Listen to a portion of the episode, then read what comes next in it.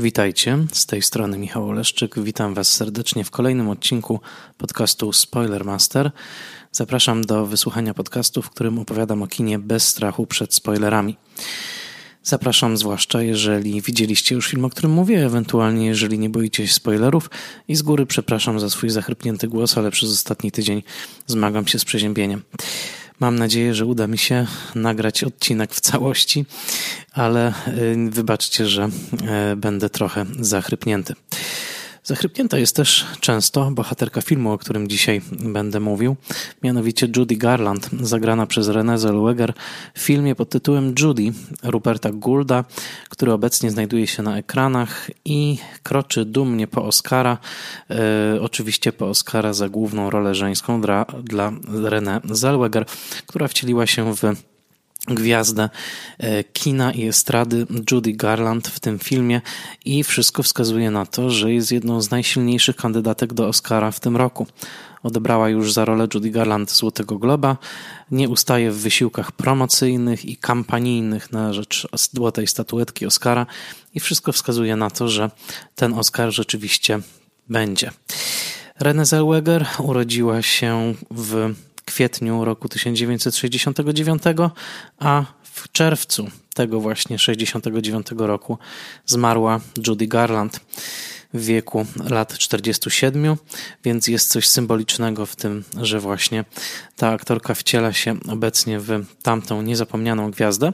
A ja w dzisiejszym odcinku najpierw opowiem Wam trochę o samej Judy Garland, o tym kontekście, który wydaje mi się ciekawy, e, żeby w pełni docenić film Judy, a następnie podzielę się krytyczną refleksją o filmie, który pod niektórymi względami podobał mi się bardzo, a pod innymi mniej.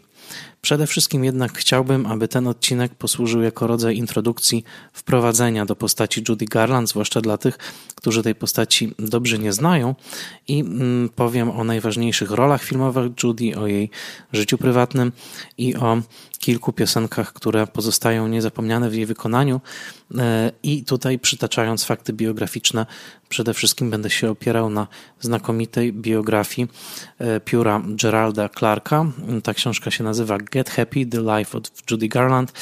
Jest to ponad 400 stronicowa, e, gruba księga, którą e, jednak czytałem z przyjemnością, dowiedziałem się mnóstwa rzeczy i przede wszystkim poukładałem sobie wiedzę o Judy, bo ona towarzyszy mi od najwcześniejszych lat jako aktorka, performerka, śpiewaczka. Wiedziałem o niej całkiem sporo, ale ta książka pomogła mi te fakty poukładać. Polecam Wam ją także. Powołam się także w pewnym momencie na słynny esej Richarda Dyera o zjawisku gwiazdorstwa Judy Garland. Ten esej pochodzi z książki pod tytułem Heavenly Bodies, Film Stars and Society. Też serdecznie Wam polecam. To jedna z klasycznych pozycji światowego filmoznawstwa, gdzie długi 50-stronicowy rozdział poświęcony jest właśnie, e, właśnie Judy. Tak, chciałem jeszcze wspomnieć o tym, że e, warto zerknąć na film wcześniejszy od tego, mianowicie na film z roku 2003, w którym w rolę Judy Garland wcieliła się z ogromnym powodzeniem i moim zdaniem nawet lepiej niż René, jedna z moich ulubionych aktorek, czyli Judy Davis. Tam, za tamtą rolę w filmie Life with Judy Garland, Me and My Shadows, Judy Davis otrzymała nagrodę Emmy. Wspaniała rola, bardzo serdecznie tamten starszy film e, polecam. Natomiast film nowy, jeszcze dodam, zanim przejdę do omawiania postaci Judy Garland, że jest oparty na źródle scenicznym, na sztuce pod tytułem End of the Rainbow, czyli koniec krestęczy, e, sztuce Petera Quiltera, która miała swoją premierę w roku 2005, była wystawiona i na West Endzie, i na Broadwayu i na ekran przeniósł ją w tym roku E, w roku zeszłym, 2019, Rupert Gould, reżyser, który jest przede wszystkim reżyserem teatralnym, ma ogromne osiągnięcia na scenie, na scenach przede wszystkim londyńskich, ale jest to jego drugi film pełnometrażowy. W każdym razie jest to nazwisko bardzo prestiżowe w świecie brytyjskiego teatru i kto wie, czy za parę lat nie będziemy o nim mówić podobnie jak obecnie mówimy o e, Samie Mendesie chociażby, który łączy właśnie to skrzydło teatralne i skrzydło filmowe z dużym z dużym powodzeniem. E, Judy Garland w filmie Gulda jest pokazana e, no, właściwie tuż przed śmiercią. Poznajemy Judy w bardzo trudnym momencie jej życia, e, pod koniec lat 60., kiedy jest w finansowej ruinie. Personalnie także jej życie jest takim pasmem nieudanych związków, jakichś wyrzutów i klęsk. I film, cały film, pomysł filmu i także sztuki opiera się na tym, że e, finansowo przyciśnięta e, Judy godzi się na występ, e, paratygodniowe występy w Londynie w klubie Talk of the Town, mieszczącym się w londyńskim byłym hipodramie i tam e, najpierw jedzie do Londynu i ma ogromną tremę, po czym powoli tą tremę pokonuje, przede wszystkim zmagając się ze złą reputacją kogoś, kto słynie z zawalania występów, nie pojawiania się na nich albo właśnie no, takich fuszerek w trakcie. I cały film jest tak ma taką strukturę, y, że Judy powoli y, rzeczywiście na tej scenie rozkwita, ale demony przeszłości ją dopadają. W zasadzie cały film jest pomyślany jako taka konfrontacja Judy właśnie z demonami jej przyszłości, a także z pewnym ciągłym tematem, jakim jest możliwa odnowa, możliwy nowy związek, możliwe szczęście z kimś innym. To jest też temat, który był tematem przewodnim życia Judy Garland, pięciokrotnie zamężnej i tutaj w tym filmie obserwujemy narodziny no i bardzo krótkie trwanie oczywiście mm, ostatniego jej piątego małżeństwa z Mikejem, e, z Mikejem Deansem. E, w każdym razie mm, to o tym filmie jeszcze powiem później, natomiast teraz trochę o samej Judy Garland. Judy Garland urodziła się jako Frances Ethel Gum 10 e, czerwca roku 1922, a zatem już za dwa lata będziemy mieli setną rocznicę jej urodzin. Urodziła się w Grand Rapids w stanie Minnesota i co interesujące, od bardzo wczesnego wieku, w zasadzie od tego, kiedy skończyła dwa latka, występowała na scenach wodewilowych, bo obydwoje jej rodzice, to znaczy Frank i Ethel Gum, byli właśnie wodewilowymi artystami, którzy śpiewali, tańczyli e, i przede wszystkim także prowadzili e, teatry e, wodewilowe. Jej dzieciństwo od najwcześniejszych lat jest naznaczone właśnie ciągłą taką musztrą sceniczną, jednocześnie radością wykonywania piosenek wspólnie ze, ze swoimi dwiema siostrami e, i także no, pewną niestabilnością rodzinną, dlatego że rodzina przenosiła się często. E, Ethel i Frank nie byli zbyt szczęśliwym małżeństwem. E, było tam bardzo dużo mm, sporów pomiędzy nimi. Ethel była bardzo silną kobietą, bardzo zdecydowaną, nieznoszącą sprzeciwu. Od pewnego momentu też prowadzącą w zasadzie taki niemalże usankcjonowany, długi romans z przyjacielem rodziny. Natomiast e, Frank Gam e, kilkakrotnie musiał opuszczać e, miejsca zamieszkania, a także przenosić się z całą rodziną ze względu na to, że był mm, de facto mężczyzną homoseksualnym, który miał skłonność do uwodzenia bardzo młodych mężczyzn w, w tych miejscach, gdzie mieszkał i wielokrotnie zdarzało się tak, że początkowo przymykano oko na te jego skłonności, po czym, kiedy dochodziło do sytuacji już z pogranicza skandalu obyczajowego, e, Frank opuszczał opuszczał e, miasto, w którym mieszkał. E, także ten wątek takiego właśnie nieudanego małżeństwa, w którym mężczyzna jest homoseksualny, a całe małżeństwo jest albo rodzajem jakiejś umowy, ewentualnie przeżywa mocny kryzys, jest także jakimś takim wzorcem, który później powtórzy się w życiu Judy Garland, która miała bardzo wyraźną skłonność do wiązania się z mężczyznami, którzy Następnie zdradzali ją z innymi mężczyznami. To dotyczyło wielu z nich, e, od Tyrona, e, od Tyrona Powera do Vincentego Minellego i dalej, e, ale o tym jeszcze później. To, co jest istotne, to żeby pamiętać, że Ethel Gum była tak zwaną sceniczną matką, jak to mówią Amerykanie. Stage mother pchała swoją córkę w objęcia show biznesu, bardzo zależało jej na sukcesie, stąd też w pewnym momencie przeprowadzka do Kalifornii, Y, możliwie jak najbliżej Culver City, gdzie mieściła się siedziba MGM, czyli najbardziej szanowanej, największej wytwórni filmowej. No i wieku lat 15 rzeczywiście udało się, to znaczy Judy podpisała kontrakt z MGM e, i e, w zasadzie e, od połowy lat 30. jest już na tym kontrakcie. MGM inwestowało w jej edukację, a także sprawiało, że ona zaczęła się pojawiać najpierw w filmach krótkich, mm, a następnie już w filmach pełnometrażowych. Przy czym rok 1939 był dla niej absolutnie kluczowy, dlatego że wówczas, nie skończywszy nawet jeszcze 20 20 lat, jako 18-letnia dziewczyna, e, a nawet trochę młodsza, wystąpiła w dwóch filmach, które właściwie stworzyły i ustawiły jej karierę na całe lata, to znaczy na całą dekadę lat 40. Mianowicie tymi dwoma filmami były Babes in Arms, to jest rok 39, tam wystąpiła u boku Mikeja Runeya i oczywiście Czarnoksiężnik z Krainy Oz, ten film Wiktora Fleminga e, wedle e, cyklu powieściowego dla dzieci Franka Bauma okazał się absolutnym strzałem w dziesiątkę, to za mało powiedziane, okazał się jedną z e, wielkich hollywoodzkich legend i także taką osnową, na której Rupert Gould zbudował swój film Judy, dlatego że retrospekcje do scen, w których Louis B. Mayer, czyli szef wytwórni MGM, perswaduje Judy, dlaczego powinna wystąpić w roli Dorotki i z jakimi ofiarami powinna wiązać swoją ekranową karierę, właśnie stanowią taki leitmotiv filmu, e, filmu Judy. Żeby dobrze zrozumieć i fenomen Judy Garland, i problemy Judy Garland, i jej kulturowe znaczenie, warto zrozumieć taką rzecz, mianowicie czym były wielkie studia filmowe. Były na tamtym etapie, jeszcze zanim w połowie lat 40. załamał się ich monopol, były ogromnymi przedsiębiorstwami kreującymi ludzkie wizerunki i kreującymi ludzkie kariery, a także traktującymi ludzi tam pracujących, zwłaszcza aktorów, jako własność. Judy po podpisaniu kontraktu z MGM-em była własnością MGM-u. Jej wizerunek był w rękach MGM-u, jej życie prywatne było w rękach MGM-u.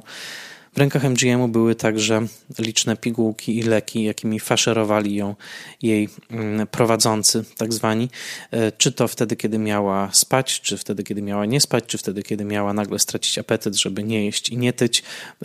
Judy od bardzo wczesnych lat była faszerowana tymi lekami. Była także ofiarą e, licznych propozycji seksualnych i molestowania seksualnego, także ze strony Louis B. Mayera.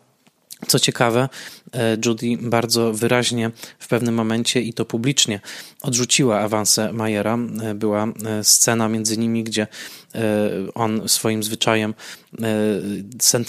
sentymentalnie opowiadał o tym, gdzie w klatce piersiowej bije serce i jak ważnym organem jest serce i jednocześnie kładł jej dłoń na piersi. Judy powiedziała wtedy wyraźnie i w obecności innych osób, że nie życzy sobie, żeby Mayer ją dotykał. Wspominam o tym, jest to istotne nie tylko ze względu na pewien kontekst mitu, w jakim obecnie się znajdujemy, ale także, co interesujące, Rupert Gould w swoim filmie tylko połowicznie tę scenę wygrał. Po pierwsze, ona się rozgrywa tylko pomiędzy Mayerem i Judy, nie ma świadków. Po drugie, gest Mayera jest dwuznaczny, to znaczy jest mm, gdzieś zatrzymany w pół drogi pomiędzy czułym gestem a gestem wyraźnie seksualnym, chociaż oczywiście ten seksualny podtekst tam jest.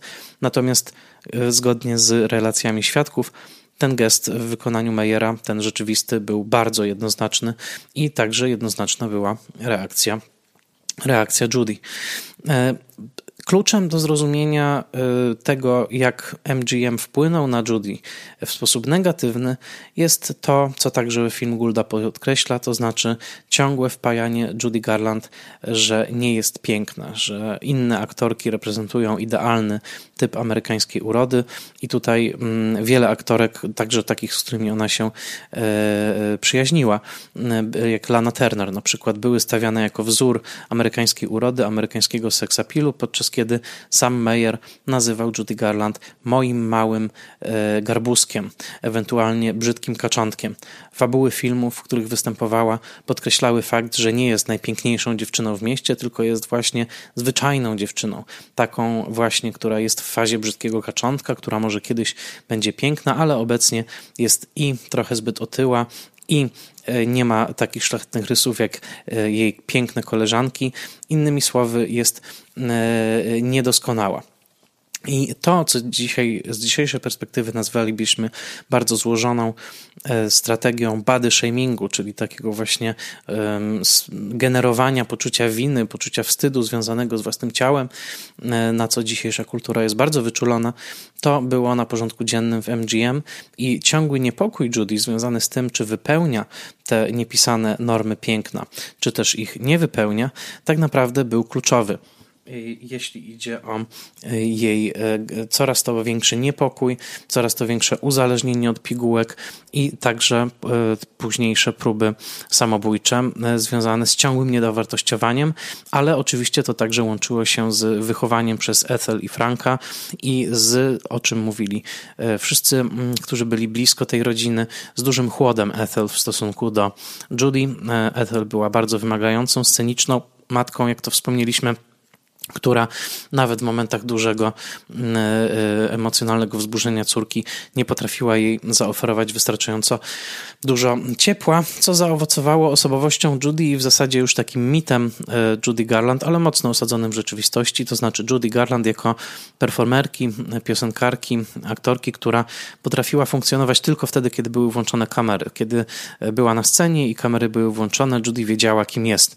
Kiedy były wyłączone, Judy traciła traciła tę pewność, poszukiwała ciągle e, potwierdzenia swojej wartości, e, czy to właśnie w świetle reflektorów, czy to w ramionach kolejnych mężczyzn, ale także kobiet, e, czy to w ciągłym, w ciągłym poczuciu, że, że jest komuś potrzebna, że ktoś ją lubi, że publiczność jest w stanie ją polubić. Mm, dlaczego w ogóle mówimy o Judy Garland? Dlaczego ona stała się tak wielką gwiazdą i dlaczego tak szybko MGM zorientowało się, że warto z nią podpisać kontrakt? Tutaj mm, też o tym muszę wspomnieć na początku bo bez tego w zasadzie ani rusz. I tego trochę zresztą zabrakło mi w filmie Gulda.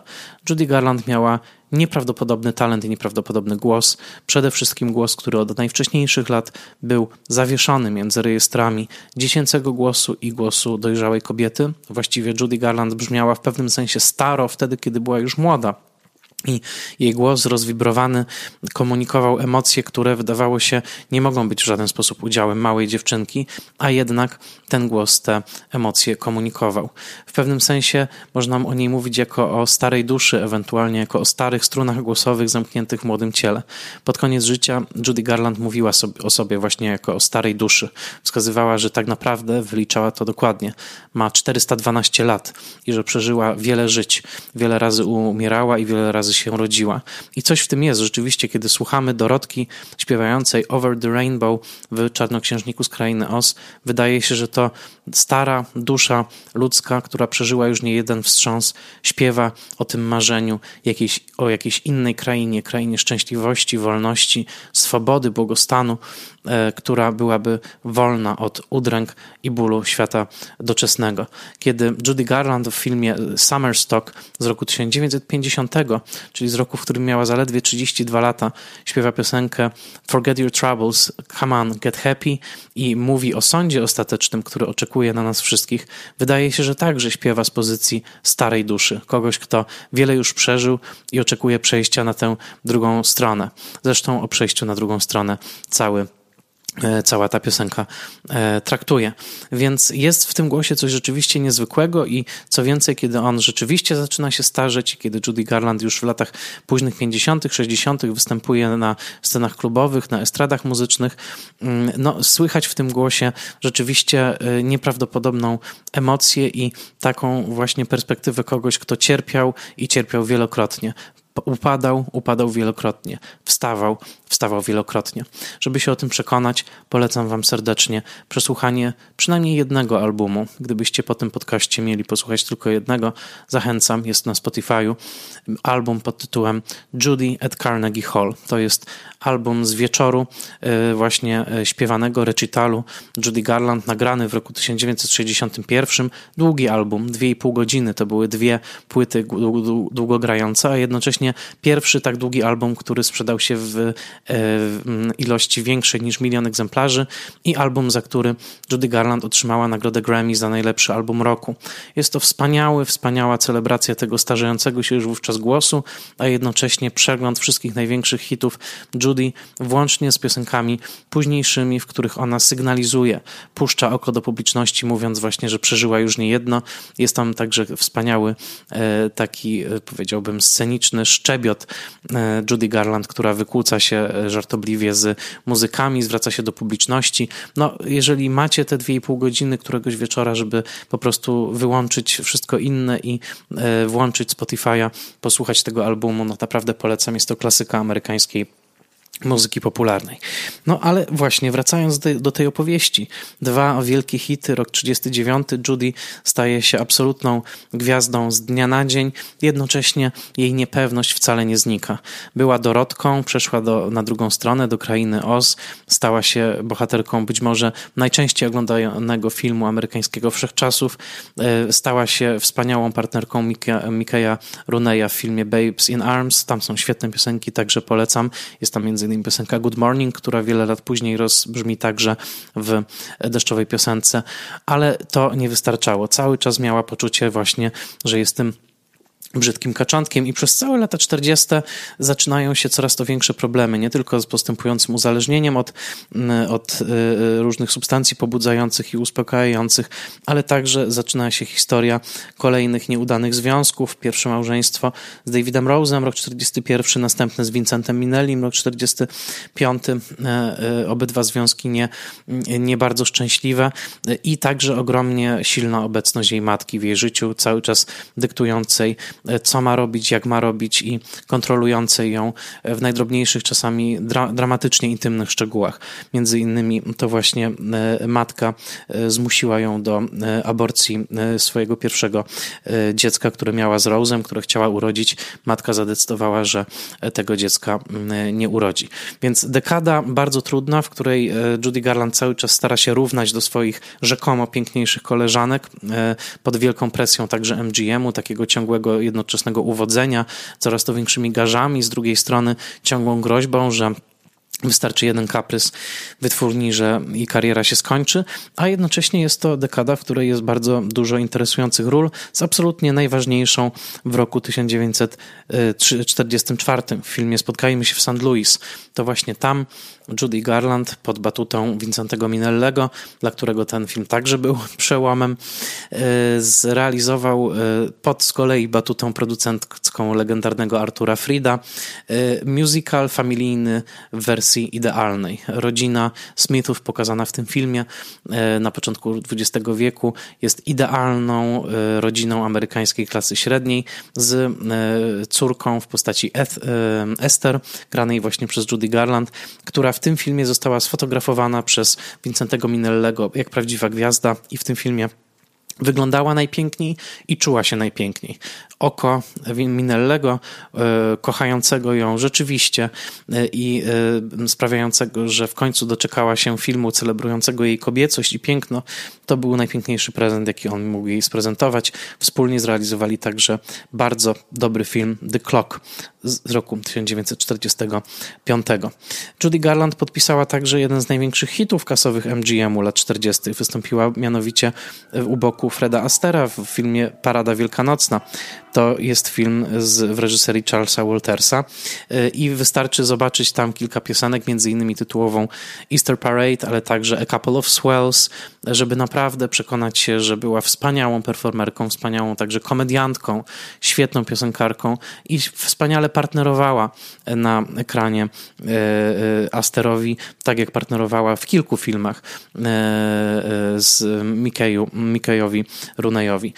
Więc to tutaj naprawdę jest, są skarby amerykańskiej komedii muzycznej zawarte w tych filmach i jej kariera w MGM kończy się w roku 1950 Ostatni film to Summerstock, film, który był tak często przerywany ze względu na jej kaprysy, niepojawianie się na planie, właśnie uzależnienie, e, że e, właściwie na tym e, współpraca z MGM-em się zakończyła. Te problemy z niepojawianiem się, z niepunktualnością, z odwoływaniem swojej obecności, z rosnącym długiem w stosunku do wytwórni, długiem, który czasami był egzekwowany, czasami był anulowany, osiągnęły na planie Summerstock apogeum.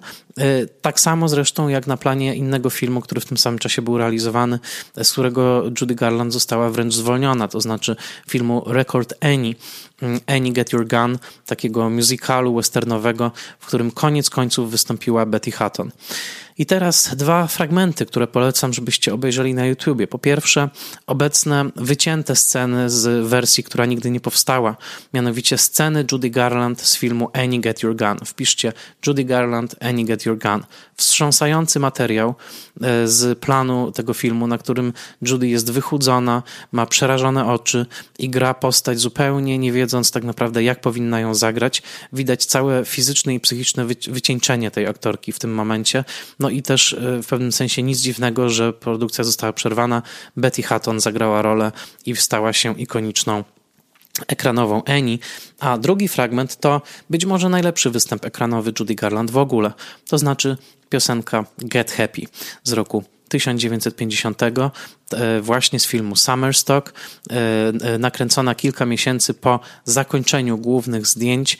Widać dramatyczną różnicę w wadze Judy Garland, która była na granicy otyłości w tych zdjęciach głównych, ale tutaj po kilkumiesięcznym odpoczynku w klinice i także po schudnięciu występuje w wersji o wiele szczuplejszej, w takim anturażu kojarzonym trochę z Bobem Fossem, mianowicie ma na sobie czarny kapelusz i taki taką jazzującą, trochę hipsterską e, e, grupę tancerzy wokół i śpiewa piosenkę Get Happy. Jest to naprawdę wspaniały numer taneczny, nazywany przez wielu e, kwintesencją ekranowej rozrywki. I co, dlaczego tak istotne jest, żeby w przypadku Judy Garland pamiętać o tej dacie, roku 1950? Bo właśnie wtedy ona kończy współpracę z MGM-em i zaczyna rodzaj tułaczki, rodzaj tułaczki, która także ma bardzo dramatyczny wymiar. Ona w tym czasie, w roku 52, e, podejmuje próbę samobójczą. Próbę samobójczą, która odbija, odbija, odbija się szerokim echem w amerykańskiej prasie. Brukowce nie mogą się e, jakby na, nacieszyć w pewnym sensie tą próbą. Ameryka jest zaszokowana. E, wspaniała Dorotka, idealna dziewczyna amerykańska, ukochana Judy podjęła taką próbę samobójczą. Dlaczego? Dzisiaj trudniej nam jest to sobie wyobrazić, bo nasza wiedza o Judy Garland niejako zakłada już w punkcie wyjścia to, że Judy była głęboko nieszczęśliwa, ale proszę sobie wyobrazić, że jesteście Amerykanami roku 52, znacie Judy właśnie jako Dorotkę, e, jesteście wychowani na wspaniałych, radosnych musicalach MGM-u z lat 40. i tutaj nagle taka wiadomość, próba samobójcza? W roku 1952 w piśmie kobiecym McCalls pojawia się artykuł i wywiad z Judy Garland, gdzie po raz pierwszy opisuje bardzo trudne swoje doświadczenia, właśnie tego, e, e, tego ciągłego nękania ze strony MGM-u, tej niepewności emocjonalnej. I ten wywiad z McCalls jest wskazywany między innymi przez Richarda Dyera jako absolutnie kluczowy moment, w którym nagle publiczność orientuje się zaraz, zaraz. Przecież to nie jest tak, że ta idealna Judy z ekranu była idealna. W istocie być może ceną za ów idealny wizerunek była właśnie ta prywatna udręka. I e, to jest niesłychanie ważny moment w e, życiu Judy Garland, która także w tamtym czasie poznaje Sydneya Lufta, e, bardzo mm, skomplikowanego mężczyznę ze skłonnością dużą do przemocy, który jest w filmie zresztą ukazany, ale jest, jest właściwie zupełnie wybielony w filmie Gulda. Tam nie ma nawet sugestii takiej, żeby mm, Luft był do przemocy skłonny. Natomiast ona poznaje go, e, bardzo skomplikowany związek, także niewolny od elementów wyłudzenia finansowego ze strony Lufta, bardzo związek burzliwy. W każdym razie e, zaczyna się taki cykl właśnie upadków i powrotów Judy Garland, takich upadków i comebacków. A także w roku 54 Judy Garland e, robi coś niezwykłego, mianowicie wspólnie z Luftem produkują film, który ma być jej wielkim powrotem. Produkują go pod auspicjami Warner Brothers, czyli wytwórni konkurencyjnej w stosunku do MGM. Warner Brothers, która godzi się właśnie wyprodukować film reżyserowany przez George'a Cukora z Judy Garland w roli głównej.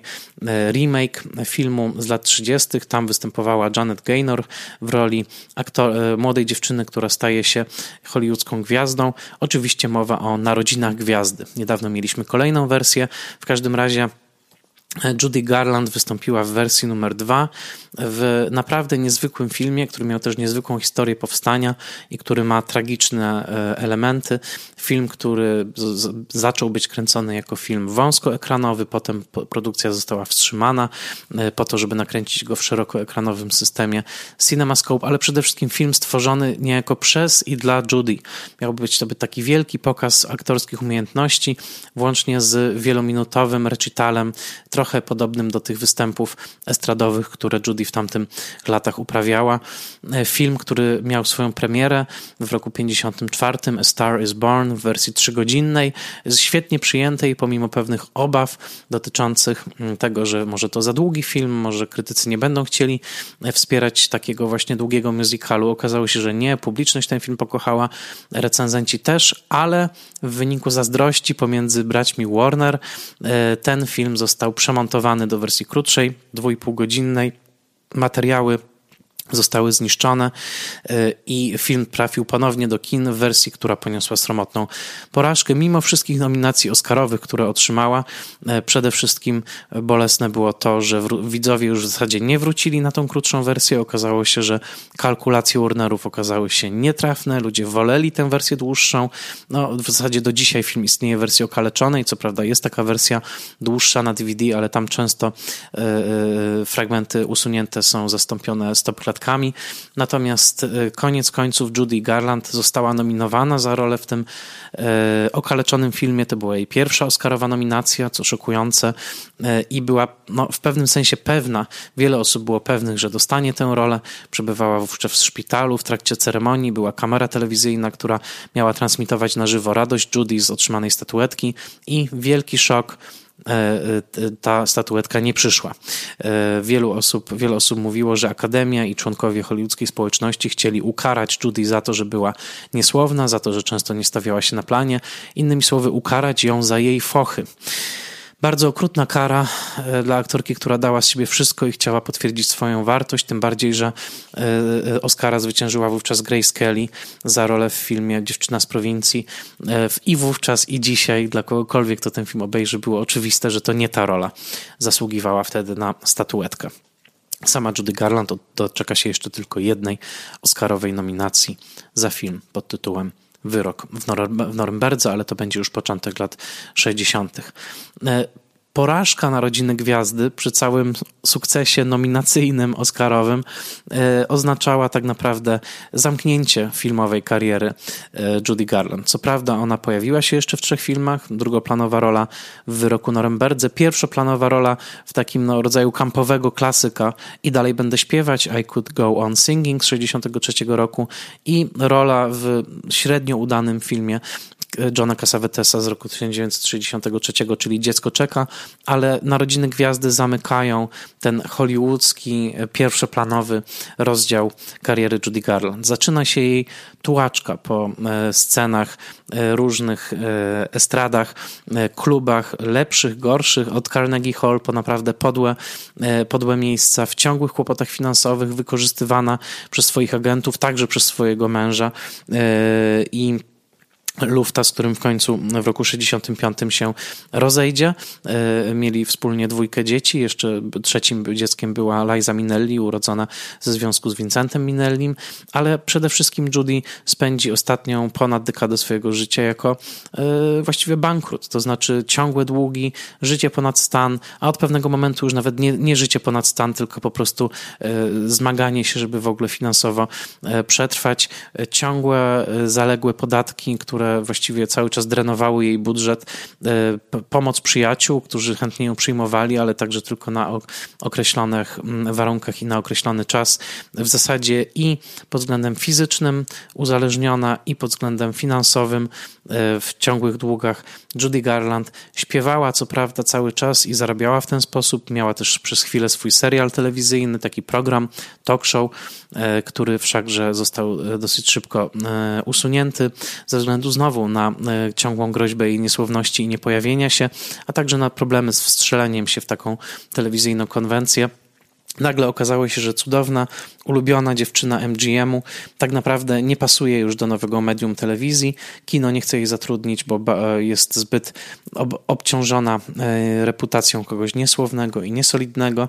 No, a czas leci i tak oto młoda dziewczyna, która nie potrafiła sobie wyobrazić, jakie role dojrzałych kobiet będą na nią czekać, kiedy grała te wszystkie nastolatki w latach 30. i 40., rzeczywiście dotarła do takiego punktu w swojej karierze, w której bardzo trudno było o jakikolwiek angaże. Co ważne, Judy Garland w tym czasie, a także później, staje się absolutną ikoną ruchów gejowskich e, w Stanach i nie tylko. E, Richard Dyer pisze o tym bardzo obszernie i warto o tym wspomnieć. Pojawiły się głosy w przypadku filmu Judy, że postać dwójki homoseksualistów londyńskich, którzy w pewnym momencie przyjmują ją u siebie na kolację, jest jakimś tęczowym dodatkiem z roku 2019. Otóż nie. Jest to absolutnie integralna część tej historii. To znaczy, Judy Garland, czy to poprzez właśnie tą bardzo intensywną emocjonalność, czy poprzez fakt, że jak niektórzy badacze wskazywali, była obiektem identyfikacji homoseksualnych mężczyzn, dlatego że e, niejako mogli na nią projektować e, swoje cierpienia jako wykluczonych, jako obarczonych cały czas e, implikowanym przez społeczeństwo wstydem, czy też poprzez to, że Judy pokazywała, że pomimo społecznego ostracyzmu cały czas można upadać, ale także można wstawać ponownie na nogi. Te interpretacje podaje Richard Dyer. Rzeczywiście ona stała się ikoną gejowskiego ruchu. To znaczy w latach 60. E, często w różnych pokątnych ogłoszeniach można było przeczytać, o, że jakiś młody mężczyzna poszukuje e, kolegi, e, który, który także interesuje się Judy Garland. Był to w zasadzie kod mówiący o tym, że Taki mężczyzna poszukuje partnera. E, filmy Judy Garland e, stały się gejowskimi klasykami. E, sami geje mówili o sobie jako o synach Dorotki, czyli właśnie synach Dorotki z Czarnoksiężnika z Krainy Os. I we wszystkich, na wszystkich występach Judy zawsze pojawiało się wielu homoseksualistów, którzy czuli się swobodnie i mogli manifestować swoją seksualność na tych koncertach, co nawet czasami szokowało obecnych tam heteroseksualistów, e, o czym pisali między innymi dziennikarze relacjonujący te koncerty.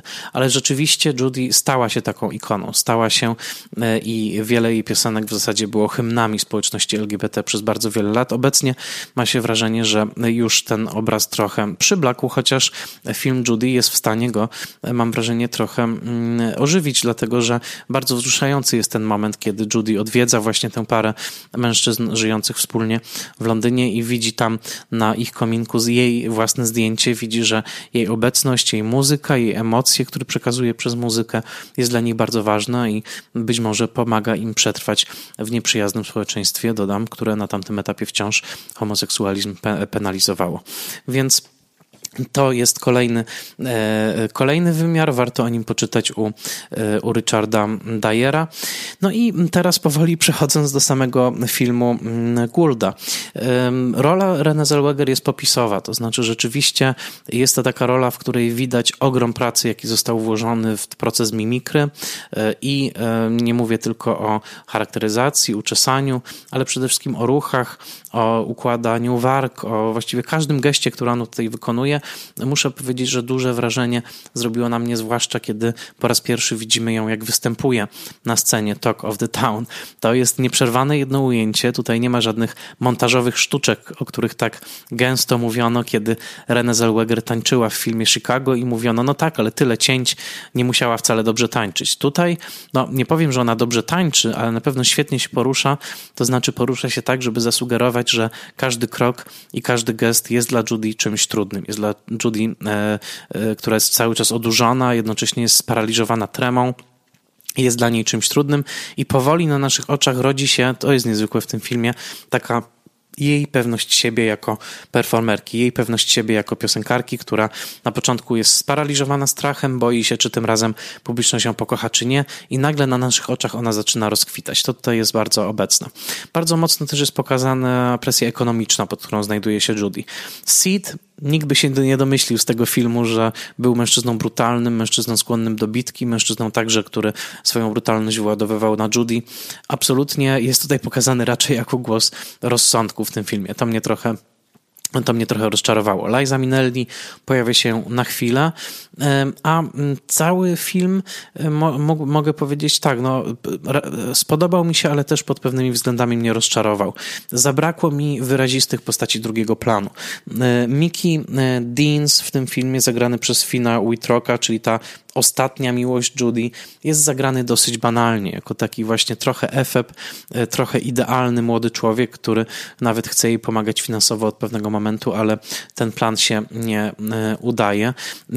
Nie ma w tym filmie sugestii i nie wiem też, jak ten film czytają ludzie, którzy Judy nie znali. E, ale mnie mm, tutaj zabrakło takiego podkreślenia, że Judy miała pewien swój taki pattern, jeżeli chodzi o mężczyzn, to znaczy taką e, powtarzalną drogę, powtarzalną e, ścieżkę. Ona wciąż wpadała w kolejny tych samych zachowań erotycznych, tych samych zachowań matrymonialnych. Tutaj tego za bardzo nie ma. O to jest obrócone w żart, kiedy ona mówi, że mężowie byli jej środkiem na depresję, ale nie ma w tym filmie tego, co moim zdaniem było konstytutywne dla Judy, to znaczy tego ogromnego ogromnego emocjonalnego głodu, tego, tej potrzeby znalezienia się w czyich ramionach i usłyszenia, że, że wszystko, wszystko będzie dobrze. Tego tutaj za bardzo nie ma i także trudno mi jakby wykoncypować z tego filmu, e, dlaczego publiczność aż tak bardzo reaguje na e, Judy, bo no po pierwsze oczywiście Renée Zellweger nie brzmi jak Judy Garland, ona ma zupełnie jakby swoją tutaj interpretację i no głos e, Renée nie niesie ze sobą tej emocjonalności, tej rozwibrowanej otwartości emocjonalnej, jaką miała Judy.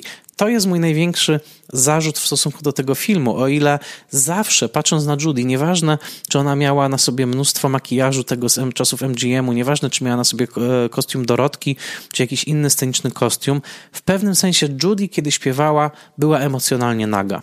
I to była jej ogromna siła i to było jednocześnie coś, co ją spalało. Kiedy śpiewała, mieliśmy poczucie, że mamy dostęp do tkanki jej duszy, do tkanki jej bebechów emocjonalnych. Kiedy René śpiewa, nie mam takiego wrażenia. I nie mam takiego wrażenia ani ona mi nie pozwala jakby poznać siebie jako Renée Zellweger, ani Judy w tym filmie nie jest w ten sposób odsłonięta. Jednak cały czas bohaterką tego filmu w pewnym sensie jest aktorska brawura Renée Zellweger.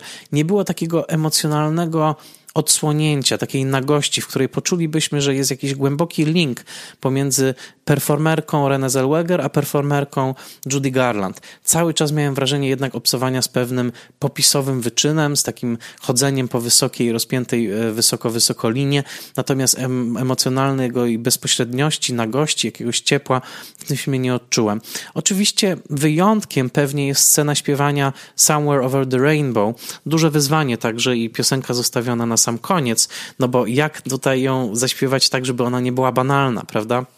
To się udaje przede wszystkim dzięki temu, że piosenka jest kończona za Judy przez tłum obecny w Talk of the Town i prowodyrami są właśnie ci dwaj geje, którzy zaczynają śpiewać ten, tę piosenkę niemalże właśnie jako hymn swojej niezależności i miłości i to jest bardzo ładny moment. Ale ogólnie rzecz biorąc powiedziałbym tak, film nie do końca pokazuje jakby istotę problemu Judy Garland. Nie do końca pokazuje istotę tego, tego ciągłego emocjonalnego głodu, potrzebę bycia poklepaną po plecach, powiedzenia, że wszystko będzie dobrze. A po drugie, Renée Zellweger jest absolutnie profesjonalna w swoim naśladowaniu Judy, a jednocześnie nie mam wrażenia, żeby wniosła w swoją rolę chociażby ułamek czegoś tak nagiego, prostego, i pięknego, jak to, co wnosiła Judy do każdej swojej roli. Nieważne, czy występowała w musicalu wybitnym, jak spotkajmy się w St. Louis, czy w, w musicalu pośredniej jakości, jak chociażby e, Pigskin Parade, swój pierwszy film. Kiedy ona zaczynała śpiewać, coś się w niej otwierało. kiedy Renée Zellweger zaczyna śpiewać, czuję przede wszystkim koncept, czuję to, że ona no, ma pewien pomysł aktorski i go prezentuje. Natomiast no, chciałbym, żeby też y, był, była pewna wymiana trochę, no, w skali 1 do 1 to może za dużo, ale nawet 1 do pół, żebym poczuł, że grając Judy Garland, Renée Zellweger zaryzykowała i otwarła się też emocjonalnie, chociażby troszeczkę w takim stopniu jak Judy tak nie jest. Film jest y, i, i, rola jest skrojona pod Oscara, jest skrojona po to, żebyśmy powiedzieli właśnie, ach, y, ależ ta René się nagrała, tak, ależ y, upodobniła się do Judy. Bardzo dobrze, być może za to należy przyznawać Oscary. Ja wiem jedno, że nawet oglądając Judy w bardzo słabych musicalach z lat 40., w momencie, kiedy ona zaczyna śpiewać, absolutnie nie kwestionuje emocjonalnej prawdy zawartej w jej głosie. W przypadku Renée Zellweger mogę tylko tylko bić brawo i mówić, no, René, you did it. Natomiast, żebym był bardzo poruszony tym, co ona robi, nie potrafię, nie potrafię e, tego odczuć i dlatego film pozostawił mnie jednak trochę emocjonalnie chłodnym. Tym bardziej, że, że żadna z drugoplanowych postaci włącznie z opiekunką tutaj, e, e, opiekunką Judy, e, Rosalind, zagraną przez Jessie Buckley, nie zostały wystarczająco rozwinięte. I ten film bardzo elegancki, bardzo dobrze zrealizowany, wręcz popisowy technicznie, zostawił mnie gdzieś tam chłodnym. Więc z tych dwóch Judy wybrałbym raczej Judy Davis w filmie telewizyjnym z 2003 roku, a ten film nowy polecam wszystkim, dla których Judy Judy jest kimś nowym, kogo nie znają jeszcze dobrze, ale po seansie gorąco namawiam do zrobienia sobie YouTube party i po prostu powłączania sobie kilku randomowych, nawet przypadkowych piosenek Judy, a przede wszystkim, gdybyście mieli tylko jedną rzecz odpalić po obejrzeniu Judy, to błagam, wejdźcie na Spotify i posłuchajcie albumu Judy at Carnegie Hall, bo to jest ludzka dusza przerobiona na fale dźwiękowe. Nie mogę tego powiedzieć o roli René Zellweger.